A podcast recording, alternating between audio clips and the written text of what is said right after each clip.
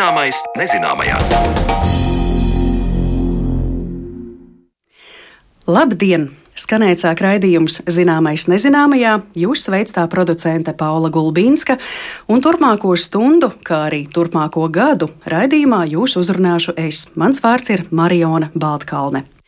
Dzirde, trokšņi, mūzika, muzikāls talants - šie ir daži no atslēgas vārdiem, ar kuriem varam raksturot mūsu šīs dienas raidījumu, ko veltām skaņu pasaulē.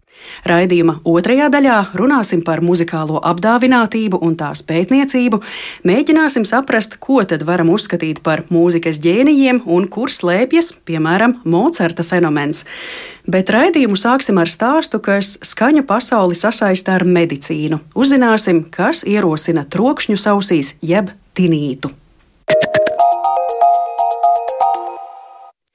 Saskaņā ar Pasaules veselības organizācijas datiem ar tinītu sirgst aptuveni 10% cilvēku, un 0,5% no sirdzējiem šie trokšņi ir traucējoši.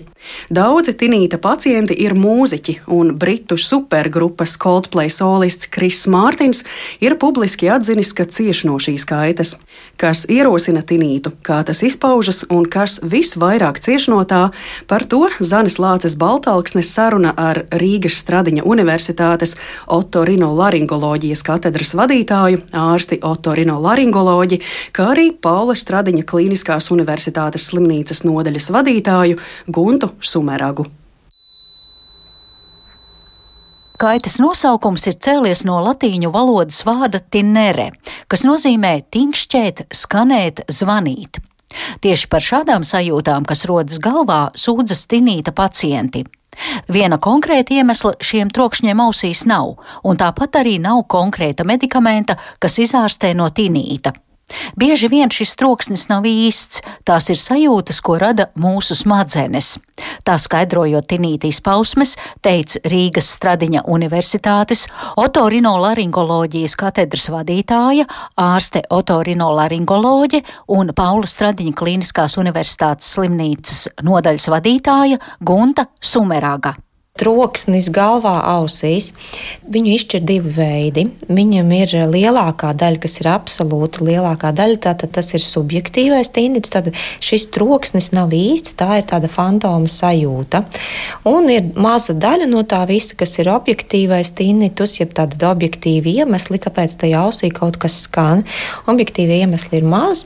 Tie var būt viens no tiem asinsvadu pulsācija, ko principā mēs dzirdam arī ikdienā noteiktās situācijās, jo miega artērija iet tieši blakus iekšējai ausīm. Principā to pulsāciju mēs dzirdam visu laiku, mēs viņai nepievēršam uzmanību. Mēs pievēršam uzmanību tad, kad kaut kas mainās. Tātad spiediens augstāks, zemāks, citreiz pirms ģīpšanas zemes spiediens, un tad sāk pulsēt, zvanīt ausīs. Vai, piemēram, tad, kad ir miega artērijā kāds problēmas, teiksim, sašaurinājumi vai kaut kas tāds, ja tad sāk pastiprināti. Ļoti reti, bet ir tādi asinsvadu audzēji ausī, tad arī pēkšņi cilvēks var sākt dzirdēt pastiprinātu savu pulsu vienā ausī. Otrs objektīvais iemesls, ka tiešām tur var būt kaut kas, kas tur skan. Tātad iekšā ausī ir dzirdes kauliņi, un pie šiem dzirdes kauliņiem ir mazi dzirdes muskulīši.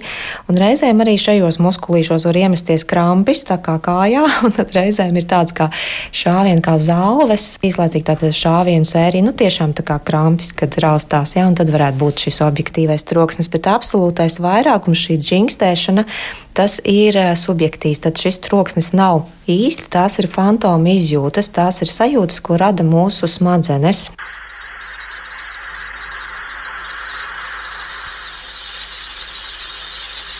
Kā teikānas svilpšana, kā viļņu šalkšana, kā elektriskā zāģa rūkoņa, kā cikāžu čirpstēšana.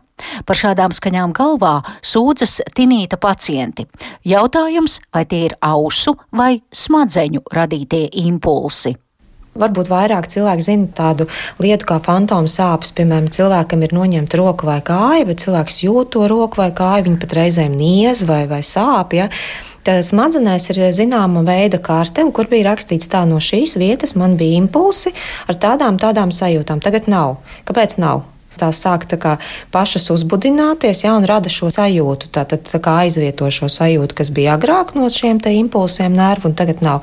Līdzīgi notiek arī ar dzirdi. Tātad, ja kaut kādā posmā ir bojājums dzirdes sistēmā, tas varētu būt gan auss līmenī, gan arī tālāk jau dzirdes nervu un pat smadzeņu stumbra līmenī. Bet, ja kaut kur šajā posmā ir kaut kādas problēmas, traucējumi, līdz ar to šī smadzeņu daļa, kas atbild par dzirdes uztveri, nesaņem pietiekoši daudz impulsus kā agrāk, tad viņa sāk satraukties, pašu uzbudināties, un tad radās šī trokšņa sajūta, ja, ko mēs medicīniski apzīmējam ar tinnitus vai tinnīci. Tad ierosa ir smadzenēs. Tieši, jā, tieši tāpēc arī tie cilvēki, kuriem ir šis troksnis, tad eh, ļoti bieži stāsta, un tad viņi māja ar galvu un brīnās, kā es to varu zināt, jo tas stāsts jau ir ļoti tipisks. Tātad vairāk šī trokšņa sajūta ir tad, kad apkārt ir klusums. Tātad, kamēr ir skaņas apkārt, ir cilvēki runā, mūzika skan pa dienu, tātad pietiekoši daudz šie skaņas impulsi smadzenēm nosacīt, ir daudz ko darīt. Viņas tik ļoti, kā teikt, neskumst pēc šiem impulsiem, bet tad, kad ir apkārt klusums, kad ir jālaižās miegā, un tad ir ārkārtīgi dzird šo varbūt nebūtu pareizi dzird vai sajūt ja, šo skaņu. Otrs ir tas, ka viņi ir ļoti saistīti arī ar mūsu vispārīgo stāvokli, ar mūsu emocijām. Tad, kad cilvēks ir izgulējies labā gara stāvoklī, viss ir forši un labi, tad kaut kur fonā tur tā džingstoņi ir. Tad, kad ir grūti neizgulējies, noguris vēl kāda cita slimība klāt, tad pilnīgi tā reizēm, kad plēš galva pušu, viņi saka no tās skaņas sajūtas. Tā tas ir arī ļoti saistīts ar daudzām limbisko sistēmu un citām struktūrām, kas atbild par mūsu gāra stāvokli, noskaņojumu un vispār tādu emocionālo stāvokli. Tādēļ tās sajūtas ir tik mainīgas, varbūt pat dienas laikā vai stundu laikā. Nu, bet ne pa visiem cilvēkiem, kuri ir vai nu satraukti, vai stresā, vai galvas sāpes, vai spiediena pazemināšanās, viņi, nu, viņiem nav tas tinīts. Tad, kuriem ir noslēdz uz šo tinītu? Kopumā pēc Pasaules veselības organizācijas datiem tinīts ir apmēram 10% cilvēku. Tātad apmēram katram desmitajam ir tinīts. Otrs ir jautājums, vai viņš viņu traucē. Un tātad no šiem 10% tikai apmēram 0,5% šis tinīts, jeb šī trokšņa sajūta ir tāda, kas traucē, kas ietekmē viņu ikdienu, kas liek meklēt palīdzību. Tā, jo, ja mēs tā pajautājam, bet tiešām savācam desmit cilvēkus telpā, tad vismaz vienam tāds, ah, nu jā, pareizi, vispār jā, klusumā, ka es tā klusa telpa, tad es jūtu, ka kaut kas tur džingst. Jā, bet cilvēkam tas nu, absolūti netraucē, un līdz ar to viņam nekāda tālāka palīdzība nav vajadzīga. Tā nav slimība pat sevi, tas ir simptoms. Tā kā, piemēram, galvas sāpes. Galva mums var sāpēt, tāpēc, ka sasista galva, tāpēc, ka stress daudz, tāpēc, ka nav gulēts vai tāpēc, ka audzējas galvā. Ja? Tad galvas sāpes pašas par sevi vēl mums nepasaka to iemeslu. Tāpat tās arī šī džingstēšana, viņa jau ir dažādu iemeslu dēļ. Tad noteikti mēs zinām, ka kaut kādā posmā ir iesaistīti šie dzirdes ceļi, bet eh, mēs nezinām, kāpēc. Tikai pēc tā, ka džings, ja mēs nezinām, kāpēc un kā. Protams, ka ja cilvēkam īpaši ir eh, šis nu, simptoms, mokošs, traucējošs, tas tīnits, viņam ir jāiet pie ārsta un jāveic izmeklējumi tālāk, jānoskaidro iemesls, kāpēc tā ir. Ja mediķis ir diagnosticējis, ka tinīts ir radies dzirdes pasliktināšanās dēļ, tad praksē ir pārbaudīts, ka šeit palīdz dzirdes aparāts, skaidro otorinolaringoloģe Gunta Sumeraga. Vai tad es pareizi saprotu, cilvēki ar sliktu dzirdi vai arī nedzirdīgi cilvēki, viņi dzird šīs skaņas? Jā, tas ir korelācijā, jā, tā tad ir dzirdes traucējumi un ir tīnīts. Cik kuram ir izteikti, citam ir ļoti slikta dzirde minimāls tīnīts, un citam ir varbūt ļoti minimāli sliktāka dzirde, bet ļoti izteikts. Tas jau atkal vairāk ir individuālais jutīgums un viss pārējais, kas tur nāk fonā. Bet principā gandrīz visiem cilvēkiem, kuriem ir tīnīts, ir sliktāka dzirde.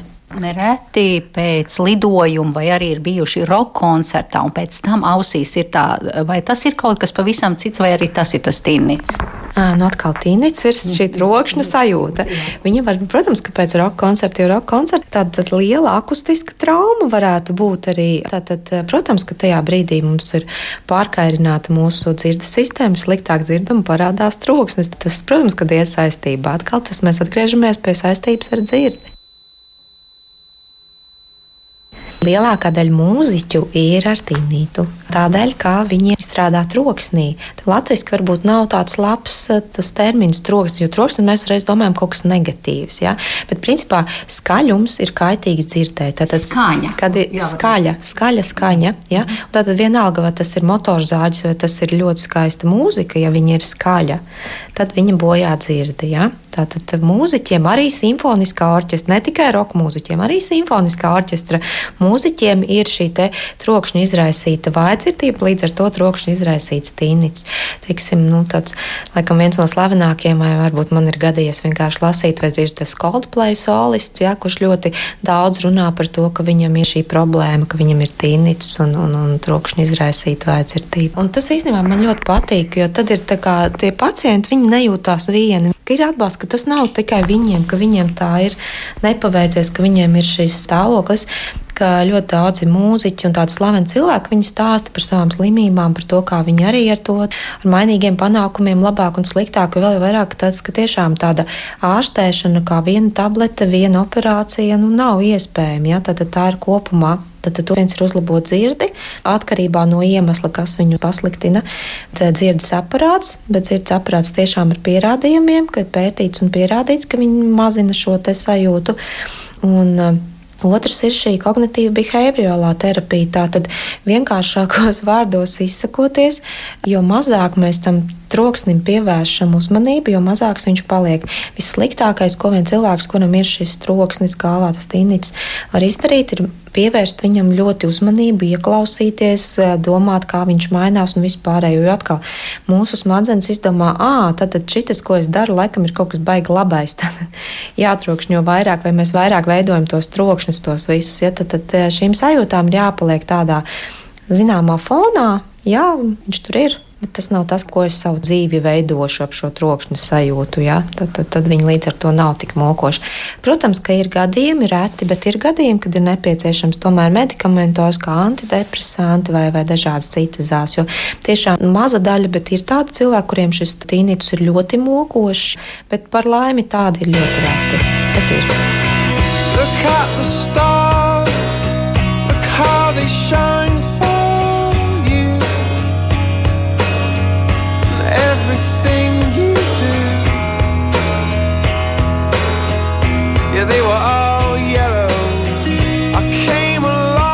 Coldplay solists Kris Mārtiņš vairākās intervijās ir uzsvēris, ka pusauģa gados ir klausījies pārlieku skaļu mūziku un vēlāk ir cietis no galvas sāpēm un zvanīšanas ausīs. Tagad viņš gan spēlējot kopā ar grupu, gan arī apmeklējot citus mūzikas koncertus, vienmēr lieto ausu aizbāžņus. Diemžēl par dzirdes audzēšanu jūs nedomājat, kamēr nav problēma ar to. Es vēlos kaut agrāk būt par to padomājis. Tā ir teicis Kris Mārtiņš.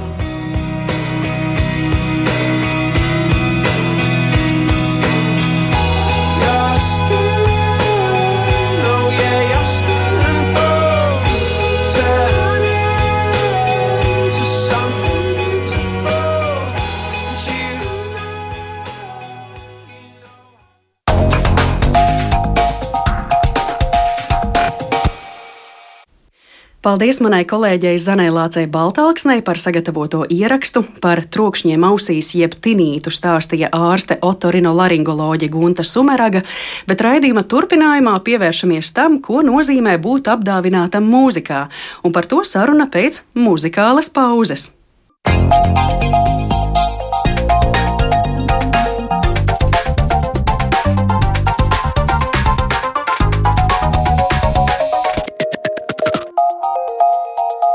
Zināmais nezināmajā. Kāpēc vienam lācis uzkāpis uz auss, bet cits spēja orķestrī izšķirt atsevišķu instrumentu skaņas? Kāpēc mūzikas instrumentu spēle vai dziedāšana vienam sagādā mocības, bet citam ir talants? Kas atšķir izziņas procesus smadzenēs muzikālam ģēnijam un vienkāršam karaokes dziedātājam. Turpmākajās raidījuma minūtēs iepazīsim mūzikas uztveres neparastākos procesus un mēģināsim izprast mūzikas ģēniju smadzenes. To darīsim kopā ar pārstāvi no mūzikas vides. Tāpēc es sveicu studijā Jāzepa Vītola, Latvijas Mūzikas akadēmijas profesoru Valdi Bernhofu. Labdien! Labdien! Valdī sarunu es gribētu sākt ar jēdzieniem, kuru izskaidrošana iespējams nav nemaz tik vienkārša, bet nu tomēr, tomēr. Nu, ja mēs paraugāmies uz dažādiem muzikālās izcilības līmeņiem, tad viens līmenis varētu būt eh, tā saucamais muzikālais standarts. Jā, cilvēks pārzina nošu materiālu, protams, orientējies solfeģo, pārvalda savu instrumentu, kas var būt arī balss materiāls, bet eh, vienu vai otru iemeslu dēļ mēs šim cilvēkam nepiedēvējam liela talanta raksturojumu. Nu, tad cits līmenis būtu, kad mēs sakām, o jā, tas lūk ir talants, nu, tad vēl viens līmenis, nu, tas ir ģēnijs. Vai jūs mums varat palīdzēt norientēties šajos jēdzienos? Standarts, talants, ģēnijs. Proti, saprast, kas tad ir tas atskaites punkts katrā gadījumā, kad mēs tā sakām. Jā, šis jautājums ir sarežģīts, ja to uzstāda šādā veidā. Jo zinātnē nevienmēr runā par standartu, bet es gribētu teikt, mēs visi ietilpstam šajā standartā. Par to, kas saistās teiksim, ar sabiedrību kopumā, mēs varam droši teikt, ka jau 30 gadus lācis uz ausi nevienam neuzkāpja vairs. Jo mēs tomēr turamies pie tām zināšanām, eh, kas nāk no zinātnes, no pārbaudītām lietām, ka visi cilvēki, kuriem nav konstatēta klīniskas atkāpšanās no normām, ir muzikāli. Un te varbūt kādam var likties, kā tā muzikāls. Ko tad mēs saprotam ar vārdu muzikāls? Ar muzikāls mēs varam saprast uh, neirofizioloģiskā līmenī, tā ir spēja uztvert un apstrādāt toņa augstumus un ritmu. Un tālāk, protams, ka novadīt līdz uh, citām smadzeņu daļām, kas apstrādā jau kompleksi, un mēs varam arī ļoti kompleksi to uzskatīt par psihoemocionālu spēju iemiesot šo skanējumu, iemiesot un pārvaldīt savas jūtas, savas emocijas un radīt šim skanējumam jaunu izteiksmi. Un uh, par talantu runā varbūt ne neirofizioloģiskā līmenī, jo talants ir tas, ko mēs saskatām Ja mēs saskatām, ka cilvēkā ir talants, tad šis talants arī mūsu prātā eksistē. Un eh, ģēnijs ir tās izpausmes, kuras mēs varam ieraudzīt. Un uh, varbūt tās ir tās pazīmes, pēc kurām mēs atšķiram. Nu, ja mēs nosaucam vairākus par talantiem, tad mēs redzam, ka starp talantiem ir vēl talantīgāki kas ir devuši lielu ieguldījumu vai nu kompozīcijā, vai arī tās ir izpausmes, kas ir šeit un tagad, Un te arī ir vēsturiski ļoti dažādi bijis. Manuprāt, nāk lista gadījums un Bedržīgs Smetans, divi izcili komponisti un divi izcili arī mākslinieki, pianisti. Taču par vienu mēs runājam šobrīd ļoti atklāti, kā par izcilu pianistu, par otru mēs nerunājam. Un tas arī ir bijis Bedržīgas smetana laikā, ka viņa dairada tika atzīta, bet tas, ko viņš darīja uz skatuves, tas izraisīja lielas ovācijas un uzreiz aizmirstību. Kāpēc tas tā notiek? Ja? Tas ir ļoti grūti izskaidrojams.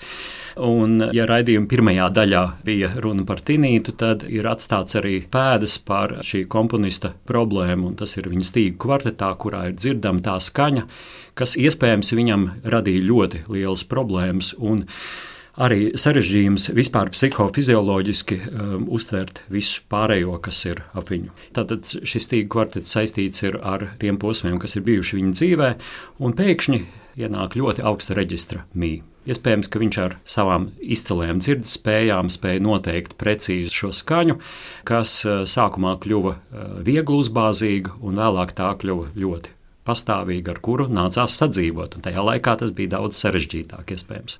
Interesanti, ka vismaz manā acu priekšā nav nonākusi literatūra par ģenialitāti. Mm. Mūzikas neirozinātnē par ģenialitāti netiek runāts. Tiek runāts par ģenētisku pārmantojamību viņu pētījumos, bet kas ir ģēnijs? Es domāju, ka lielā mērā tie ir dažādi sociāli faktori. Jo ir pietiekami daudz psiholoģijā bijuši eksperimenti, kuros izcils mūziķis atrodas ne tajā vietā, kurā viņai, viņam būtu jāatrodas, liela skatuve, bet atrodas piemēram tunelī. Mēs visi ejam garām. Jā. jā, varbūt mēs kaut ko ievērojam, nu, jā, labi spēlē. Tieši tāpatās varbūt pirms eh, daudziem gadiem tika uzskatīts, ka tehniska varēšana ir kaut kas tāds, kas mums atver mutes, un mēs vienkārši sakam, jā, tas ir ģeniāls savā motorikā, savā izpausmēs. Bet ejot uz priekšu arī tehnoloģiskai attīstībai, mēs redzam, ka to visu var, kā saka, imitēt. Un, ja cilvēks kļūst gluži kā robots, jeb kā tehnika, tad mēs vairs nepiešķiram tam nekādu ģenialitāti. Tātad iespējams, ka tas ir līdzsvars starp tehnisko varēšanu un ļoti spēcīgām emocijām, empātiju un spēju uzrunāt mums varbūt šobrīd vēl nezināmos veidos klausītāju, jeb to sabiedrības daļu, kas tad arī piešķirs šo skaisto apzīmējumu ģēnijas. Mm. Jūs jau principā nedaudz ieskicējāt pa gabaliņam no visa tā, kas tādu lielu, izcilu personību veido. Tātad šis ģenētiskais aspekts, sociālais aspekts un iespējams arī atrašanās tur, kur tam cilvēkam vajag būt. Es gribētu mazliet pakavēties pie šīs bioloģiskās, neirofizioloģiskās vai ģenētiskās puses. Vai ir zināms, kas tādu cilvēku ar ģenialitāti smadzenēs notiek atšķirīgi? Un, jā, jā, vai tas tiešām pārmantojas. Jā, noteikti. Un tad noteikti būtu jāskatās tādā soļu principā, jo vispirms viļņi tiek uztvērti kā viļņi un pārvērsti skaņas kodā. Nu, tas būtu, es domāju, ka jebkurš, kuram ir uh, dzirdes spējas un nav traucēta dzirdes sistēma, spēj pārvadīt un šos viļņus arī uh, radīt kā skaņas. Un tas ir pirmais apstrādes lauks Deniņu daivā. Mēdz to saukt arī dažkārt par mūziķu daivu, jo tur atrodas Hešla kroka kuras nosaukums ir saistībā ar anatomu, austriešu anatomu, vairāk kā pirms simts gadiem. Tur atrodas tā vieta, kur skaņas tiek dažādos veidos, lielākoties tas ir saistīts ar reģistru un augstumu, tiek apstrādāts. Un tur jau parādās mūsu pirmās atšķirības. Ir krokojuma atšķirības, bet krokojums nenozīmē gudrāks vai mazāk gudrs. Tās ir vienkārši īpatnības, kas ir mūsu smadzeņu garozā un mēs tās iespējams izmantojam. Un tad parādās arī tāda īpatnība kā sinhrona vai asinhrona apstrāde starp abām smadzeņu puslodēm. Labā izteikti iespējams vairāk apstrādā šos toņa augstumus un ritmu, kreisā mazāk. Mēs arī redzam eh, dažādās klīniskās situācijās, kāda loma ir šai asinhronizācijai. Jo lielāka vai jo mazāka mēs redzam, ka tas saistīts ar uh, uzmanības deficītu, hiperaktivitāti, ar disleksijas problēmām. Tātad skaņu apstrādē ir ļoti liela nozīme. Un tur mēs arī redzam, ka uh, starp cilvēkiem, neatkarīgi no tā, vai cilvēks ir mūziķis vai cilvēks ir izvēlējies kādu citu jomu, uh, pastāv atšķirības, kā mēs tā saucamo toni vai toņa augstumu apstrādāsim. Vairāk ar virsskaņām vai vairāk ar pamat fundamentālo skaņu. Un te nu izriet arī tas, eh, kā mēs izvēlēsimies, un dažkārt pat neapzināti izvēlēsimies mūzikas instrumentu, kurš mums patīk. Vienam patīk ģitāra, vienam patīk saksofons. Viņš vienkārši iejūtas, un viņš jūtas ļoti labi. Citam patīk klavieru spēle. Cits pats varbūt sajūt kaut kādu emocionāli sliktāku sajūtu, ja atrodas lielā telpā, kur spēlē ērģeles. Un tas ir ļoti saistīts ar to, kā mēs apstrādājam toņu augstums. Bet tālāk seko šīs skaņas apstrāde sekundārajos laukos. Un tālāk jau ir notiek sintēze. Visa informācija kopā tiek apstrādāta un tiek radīts arī dažādas uzvedības modeļi. Ļoti interesanti. Tad sanāk, ka varbūt anatomijas līmenī mēs esam gana līdzīgi. Mums visiem ir hešla kroka. Ja? Drīzāk tās atšķirības parādās fizioloģiskajos procesos. Protams, ka fizioloģija tā ir arī spēja apstrādāt daudzumu, informācijas daudzumu, kur mēs saņemam, pārraidīt no, piemēram, no vienas puslodes uz otru. Tādā veidā mēs dažkārt arī runājam par to, ka nu, kaut kāda eksaktas lietas ir saistītas ar mūziku. Protams, ka ir jo taču ritms ir ļoti dažāds. Ir eh, ritms, kurš dalās uz divi, ritms, kurš dalās uz trīs, kur jāmeklē ir pilnīgi cits veids, un tad mēs arī redzam, kas notiek citās kultūrās, kā piemēram indiešu kultūrā, kur nerēķina matemātiski, kur ir pilnīgi citas apstrādes īpatnības iespējams, un smadzenes pielāgojas. Bet uh, es teiktu, ka pirmais, uz ko reaģē mūsu smadzeņu garoza, ir uh, pirmkārt šis kairinājums, un tālāk šī kairinājuma atšķirības. Tas ir tas, ko mēra parasti mūzikas neirozinātnes procesos, cik lielā mērā mēs apzināti vai neapzināti reaģējam uz toņa augstuma atšķirībām, un tur mēs visi esam ļoti līdzīgi. Treniņš savukārt nozīmē to, ka mēs reaģēsim ar mazāk izteiktu atbildes reakciju. Gribētu sagaidīt pretēji pareizi, ka jo lielāks treniņš, jo smadzenes reaģē uzreiz. Nē, Tas ir pieredums, un tās šīs situācijas ir ļoti daudz apstrādāts, un tādā veidā arī smadzenes reaģē kā atbildi uz ienākošo kairinājumu. Un savukārt tie, kuri pirmo reizi piesēž, mazi bērni piesēž pie instrumenta, mēs varam novērot, ka smadzeņu reakcija ir zibenīga, un tā liekas, ka neirālie sazarojumi tajā brīdī ir vienkārši iedegušies, bet pēc laika tas mazinās, un šis neirālais sazarojums paliek noturīgāks.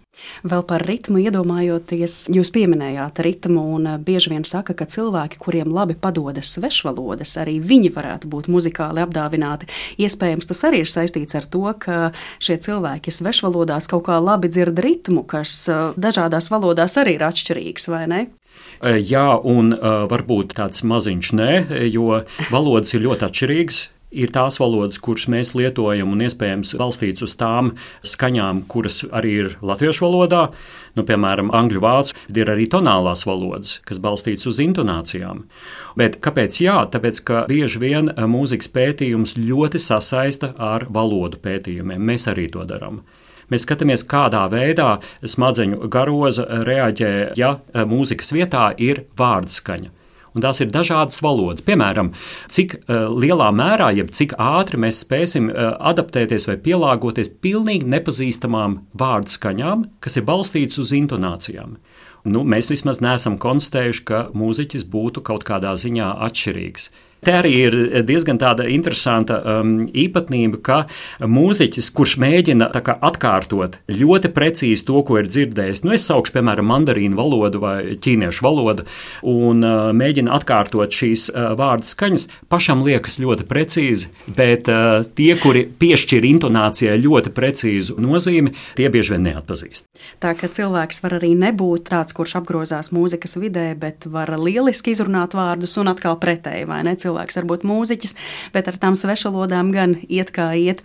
Par fizioloģisko pusi mēs eh, tikām skaidrībā, bet eh, bieži vien mēdz arī teikt, ka talantu veido jā, šīs dabas dotās spējas, bet lielāko nozīmi tomēr, tomēr spēlē darbs, un tad ir ļoti daudz un dažādas versijas, cik daudz procentu mēs varam attiecināt uz dabas dotajām spējām un cik daudz uz ieguldīto darbu.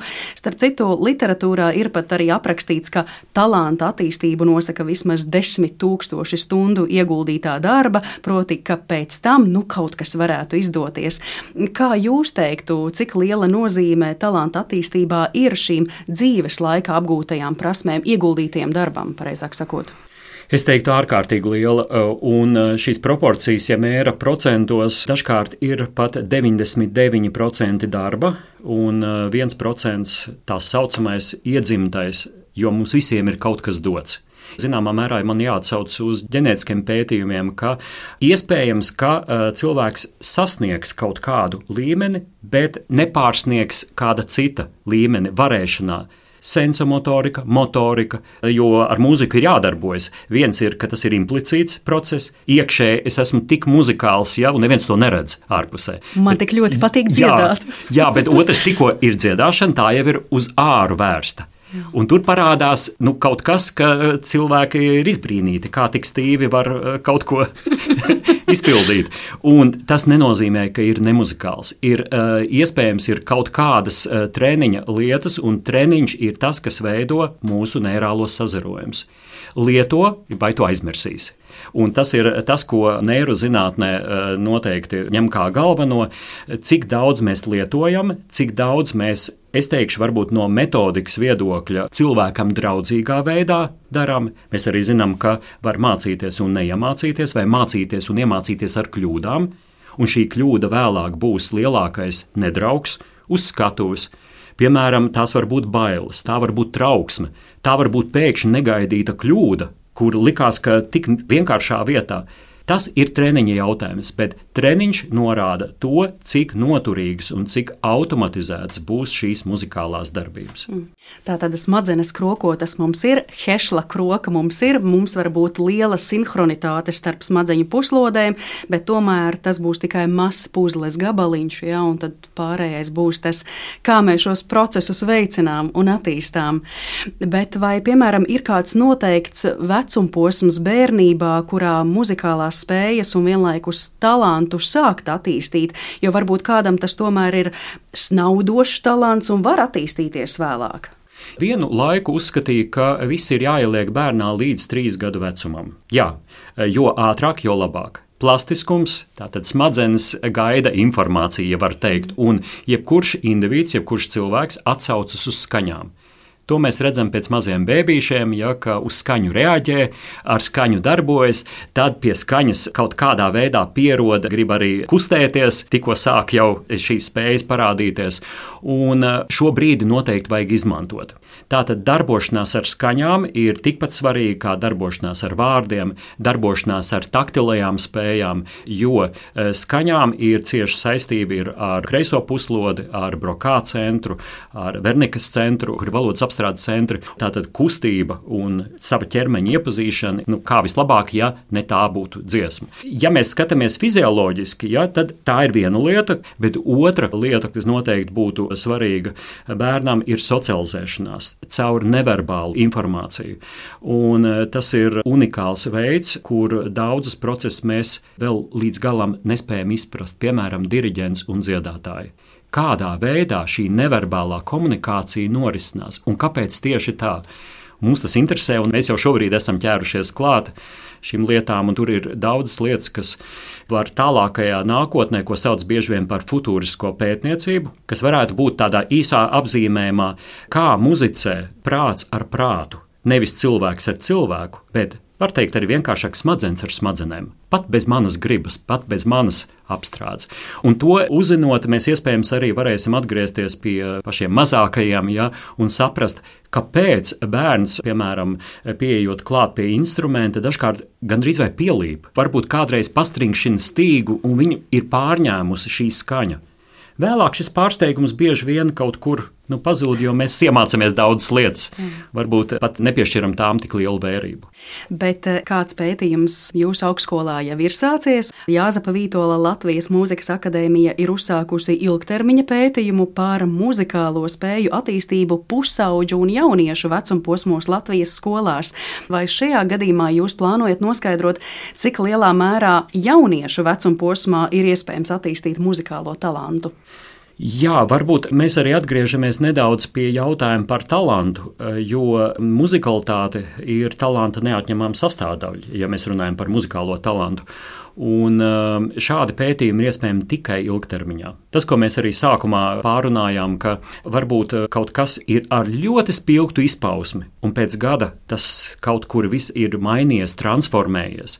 Tā tad ir jāvēro, un šīs lietas var tikai un vienīgi vērot un vērot ilgtermiņā sekot līdzi jaunietim, pusaudzim jaunietim. Un mani visvairāk saista šajā pētījumā, tātad tas ir sadarbībā ar Lielbritāniju, ar Londonas Universitāti un ar eh, Hanovers eh, mūzikas teātru un mediju universitāti.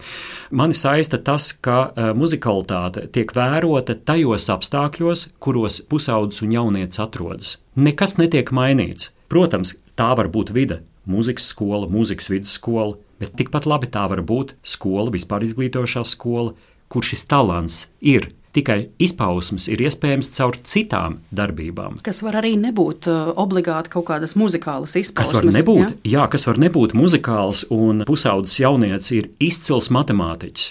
Dabas zinībās ir izcils, vai humanitārajā jomā ir izcils. Muzikalitāte ir viņā. Un tas mūs šobrīd visvairāk saista. Mēs gribam vērot muzikalitāti saistībā ar ļoti daudziem faktoriem - socioekonomiskiem, psihoemocionāliem. Dažkārt taču ir jautājums, kādā vidē jāizaug talantam. Arī šis ir ļoti svarīgs jautājums. Vai no vides, kurā varbūt nav tik liela rocība, izaug daudz kaut kas atšķirīgāks nekā tur, kur viss ir iespējams? Kādu pulciņu gribi, mēs tev apmaksāsim, viss ir iedots. Savukārt, kas interesē Londonu un Hanoveru, ir mūsu izglītības sistēma. Piemēram, vācu kolēģi vairāk kārt man ir teikuši, jūs varat savus bērnus aizvest, nu, cik pāris pieturas tās ir līdz mūzikas mākslas skolai.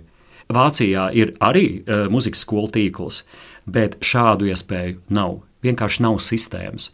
Un tā tad interesē, kas notiek mūsu vidē, Jo iespējams, ka kāds no vispār izglītošās skolas apmeklē muzikas skolu, iespējams, ka nē. Mēs vērosim, kādā veidā visi šie faktori ietekmē šīs personības tā saucamo akadēmisko sasniegumu un mēģināsim no tā izsijāt, cik liela nozīme ir muzikālajiem aspektiem. Un es ļoti ceru, pēc trīs, pieciem gadiem mēs uzzināsim daudz, daudz uh, vairāk par to, kā uzvedas muzikalitāte mūsos. Jā, ļoti interesanti, piemēram, kā muzikalitāte jaunietim palīdz apgūt uh, bioķīmiju, bioloģiju vai jebkuru citu mācību priekšmetu. Bet, eh, Valdī, savalkot eh, visu šo kopā, mēs runājām par maziem bērniņiem, tagad mēs pieskārāmies jauniešu vecuma posmam, bet es vēl gribētu mazliet pakavēties pie pieaugušajiem. Mēs ļoti bieži esam arī dzirdējuši šos stāstus, jā, es visu savu dzīvi darīju citas lietas, bet 30, 40, nu varbūt pat 50 gadu vecumā sapratu, ka mūzika, nu tas ir tas, par ko es vienmēr esmu sapņojis, un var būt šāds cilvēks tiešām ieguldot darbu, cenšoties iestājas mūzikas augstskolā. Ja? Un tagad šajā mūzikas augstskolā satiekas šāds cilvēks, kurš nu, salīdzinoši vēlā vecuma posmā ir apjautis savu lielo mīlestību pret mūziku, un tāds eh, bērniņš, kurš tiešām, kā jūs pirmīt minējāt, pielipa trīs gadu vecumā ja, pie vijoles vai klavierēm, kuram tad būs tās lielās priekšrocības tam 30 eh, gadniekam vai tam, kurš paņēma agrā bērnībā to violīti, vai varbūt pašas augstskolas prasībām, akadēmiskajiem striktajiem noteikumiem. Es ļoti ieteiktu uh, šīs sajūtas, kas ir radušās, un vēlmi noteikti materializēt, jebkurā vecuma posmā. Nekad nav par vēlu. Mūsu neironi to dara un izdarīs, bet ir viens bet ka eh, pieaugušo vecumā mēs eh, bieži vien saskaramies ar informācijas apstrādes koordinācijas problēmām. Piemēram, eh, ja cilvēks pusmūža gados vēlas uzsākt deju vai varbūt nezinu, akrobātisks vingrinājums, tad ir jāuzmanās vienkārši iegūt traumu un nokoordinētas darbības var būt mazāk izteikts.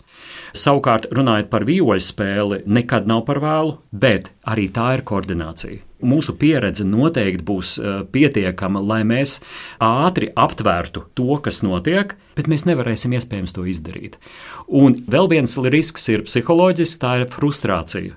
Tāpat kā valodās, es taču arī kā bērns iespējams varētu pateikt trīs vārdus un priecāties par to, ko es daru. Pieaudzis grib runāt, pieaudzis saprot, cik tālu viņš atrodas no tā punkta, kurā viņš tiešām gribētu nokļūt. Un tas bieži vien arī motivāciju apslāpina. Bet iespējas ir jebkuram, un es zinu daudzus piemērus, ka cilvēks 16 gados ir izdomājis, ka viņš grib kļūt par pianistu. Es pat nezinu, tas būtu jāprasa mūsu klavieru speciālistiem, ko viņi teiktu. Bet vai tomēr lielākā atšķirība nav eh, metodikā un tā pieejamībā, ka mēs, kā izglītoti pedagogi, mēs bieži vien nezinām, ko darīt. Ja kāds, kurš neko nav darījis, pēkšņi 50 gados vēlas sākt darīt ar mūziku, bet ir pietiekami daudz, mums ir kur paskatīties, kā tas notiek. Man liekas, svarīgākais, ka šis cilvēks, kurš to izdarījis, ir priecīgs. Un varbūt nezinot, ko ar šo cilvēku darīt, mūsu valodā arī parādās šie izteikumi, ka nu, savam priekam jau tu kaut ko darīt vari, bet par lielām skatuvēm no aizmirsti. Jā. Protams, tur ir arī svarīga cilvēka tiešām apņēmība, cik daudz es esmu gatavs iet, varbūt arī cauri tai muzikālās pasaules garoziņai, ar kuru es sastapšos ejot tiešām šo profesionālo ceļu, bet varbūt tomēr man arī 30 gadu vecumā ir tiesības sapņot par to lielo skatuvi vai ne? Un eh, vēl jūs, protams, arī sākumā pieminējāt šo būšanu pareizajā vidē, jo varbūt arī par tādu talantu vai talantu atklāšanu mēs varam runāt tad, kad cilvēks īstajā brīdī ir īstajā vietā. Nu, atcerēsimies stāstu par Sūzanu Boilu, kur uh, apvienotās karalistes šovā Lielbritānija meklē talantu, kļuva par zvaigzni 47 gadu vecumā. Un tad, kad viņai jautāja, kur tu mīļā bija agrāk, viņa teica, man nebija iespēja izpaust izpausties, te lūk, es esmu. Viņi atrada savu vietu. Jā, un arī iepriekš runājām par formālo izglītību, kur, protams, ir dažādi priekšnoteikumi, lai uzsāktu. It sevišķi, ja eh, tie ir valsts līdzekļi, un valsts arī grib sagaidīt speciālistus. Es domāju, neatkarīgi no vecuma, bet ir jābūt kaut kam izpildītam. Bet tad ir neformālā Un tad ir arī dabas talanti, ja sauksim, eh, kurus mēs ieraugām, kurš varbūt dzied un izpilda fado, un mēs vienkārši varam baudīt to priekšnesumu. Iespējams, mazā, sauksim, kafejnīcā kaut kur Portugālē, bet skanējums atbilst tam, kā būtu, ja šis dziedātājs būtu apguvis iespējams formālu izglītību. Tā kā nevienmēr formālā izglītība ir tā, kas būs simtprocentīgs garants cilvēkam pašam ir jādara, jāmācās un ir jāmeklē eh, veidus, kā viņš vislabāk spēj izmantot tos resursus, kas viņam ir doti. Un valdi mēs no tādas anatomijas un arī fizioloģijas viedokļa līdz šim vairāk runājām par smadzenēm, par tiem procesiem, kas notiek smadzenēs, bet es vēl gribēju pajautāt par mūziķu ausīm. Vai arī mūziķu ausis kaut kā dzird labāk, vai dzird tieši tāpat kā ik viens cilvēks, tikai atkal stāsts ir par smadzenēm, kā smadzenes šo no ausīm uztverto informāciju tālāk iztulko, un varbūt tad mūziķu ausis šo informāciju iztulko detalizētāk, jo mums taču ir jēdzieni. Mūzikālā dzirde ir pat absolūtā dzirde, ka, pieņemsim, piesitu kaut kur ar kociņu, un eh, cilvēks ar absolūto dzirdi pasaka, jā, tas tur ir tāds bemols vai diēs. Jā, ar muzikālo dzirdi mēs atšķirāmies un atšķiramies vēl e, šobaldien. Tas ir vairāk kā simts gadus sens tāds sadalīšanās punkts, apmēram 1915. līdz 20. gads, e, kad mēs tomēr pārņēmām Padomju Savienībā esošos uzskats par muzikālo dzirdi. Tur bija tāds Boris Teplovs, un otrā pusē aizskaram bija uh, Seashores ar tiem uzskatiem, kur šobrīd pilnībā sakrīt ar neirofizioloģisko apstrādi. Dzirde ir dzirde, un tā ir visiem es nedrīkstu teikt identiski, jo iespējams ļoti niansēts ir atšķirības, bet gliemezes ar saviem matainajām šūniņām ir visiem. Un, ja nav teiksim, dzirdes traucējumi, vai iedzimti vai iegūti, tad mēs pārraidām šos viļņus, pārkodējam elektromagnētiskos impulsos, un mūsu pirmā atšķirība sākas tieši šajā pirmajā apstrādes laukā ar nelielām ātruma atšķirībām gan. Bet, eh, ja par dzirdi runājam, tur arī dzirde beidzas. Jo mēs jau neteiksim, ka smadzenēs ir dzirde. Tas ir smadzenes un tā ir dzirde. Bet tad sanāk to faktu, ka, piemēram, es ar karotīti piesitu pie kādas virsmas, un cilvēks pasakā, hmm, jā, tas ir labi mols. To nosaka tad atkal šī cilvēka teorētiskās zināšanas par solfeģo, kā labemolam ir jāskan, jo, kā es saprotu, tad ausī, matainajās šūnās atšķirību nav. Pirmās atšķirības, kas norāda uz absolūto dzirdi, ir uh, dzirdes laukā.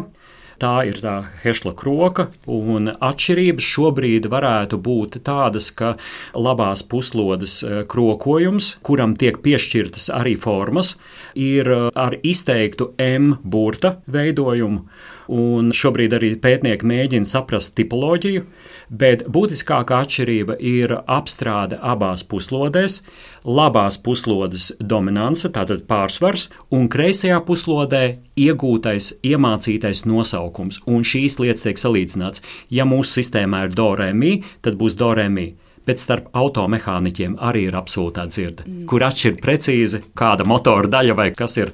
Tātad tā ir mūsu spēja apstrādāt augstumu ar augstuma iemācītu nosaukumu.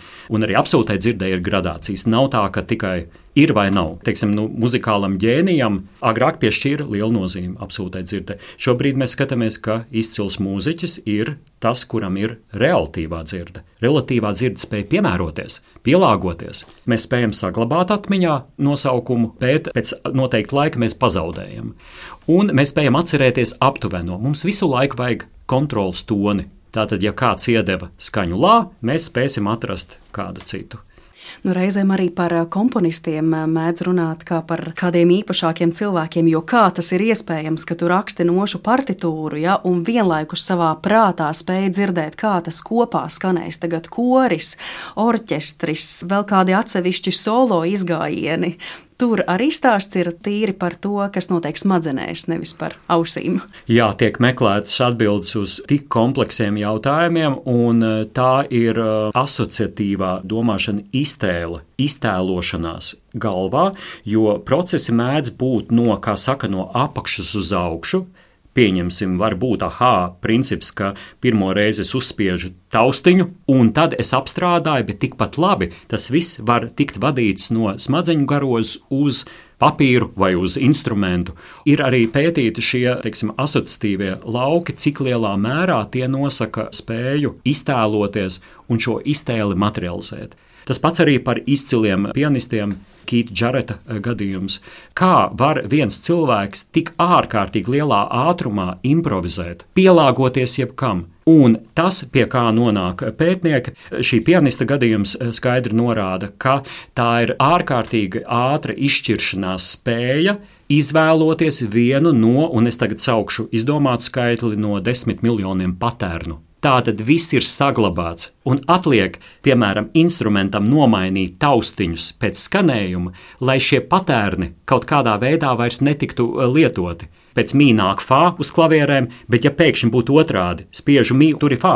Un tajā brīdī vēro, kas notiek ar šo patērnu pielāgošanās, cik ātri visas motoriskās kustības spēs pielāgoties jauniem apstākļiem. Un Tādā veidā mēs redzam, kas notiek, kuri lauki ir aktivizēti, kad vienlaicīgi teiksim, adaptējoties situācijai. Bet tas ir iemācīts. Tātad vienam ir šis talants, ātri ar šo konflikta menedžmentu, sauksim, vai situāciju tikt galā, izšķirties, un tas notiek mili, mili sekundžu laikā. Un citam vajag laiku piemēram, apstāties. Jā, tad. jā, tad stāst par arī tādu elasticitāti. Mēs jau šīs sarunas laikā vairāk kārt skārām vārdus eh, ģēnijs un ģenialitāte. Es sarunas noslēgumā gribētu tomēr vēlreiz pie tā atgriezties, jo mūsdienās mēdz arī teikt, ka tādu ģēniju kā Mocards vai Beethovens mums vairs nav un nekad arī vairs nebūs. Nu, vai tā tiešām ir? Un tad, kur slēpjas, piemēram, šo vīru fenomens vai iespējams arī kādu izcilu diriģentu fenomens mūzikas vēsturē? Vai tomēr mēs varam runāt par Mocartiem un Beethoveniem arī šajā laikmetā, tikai varbūt mēs to negribam atzīt? Mūsu vidū noteikti ir gan Beethovens, gan Mocards, gan arī citas izcils personības. Atliek mums pamanīt, un eh, es domāju, ka šobrīd sociālajie tīkli lieliski mums parāda, kāda ir situācija pasaulē. Ir video ieraksti pieejami, kuros mazs bērns ir apguvis vairākas valodas. Un, protams, iespējams, ka viņš neprot rakstīt, bet viņš runā.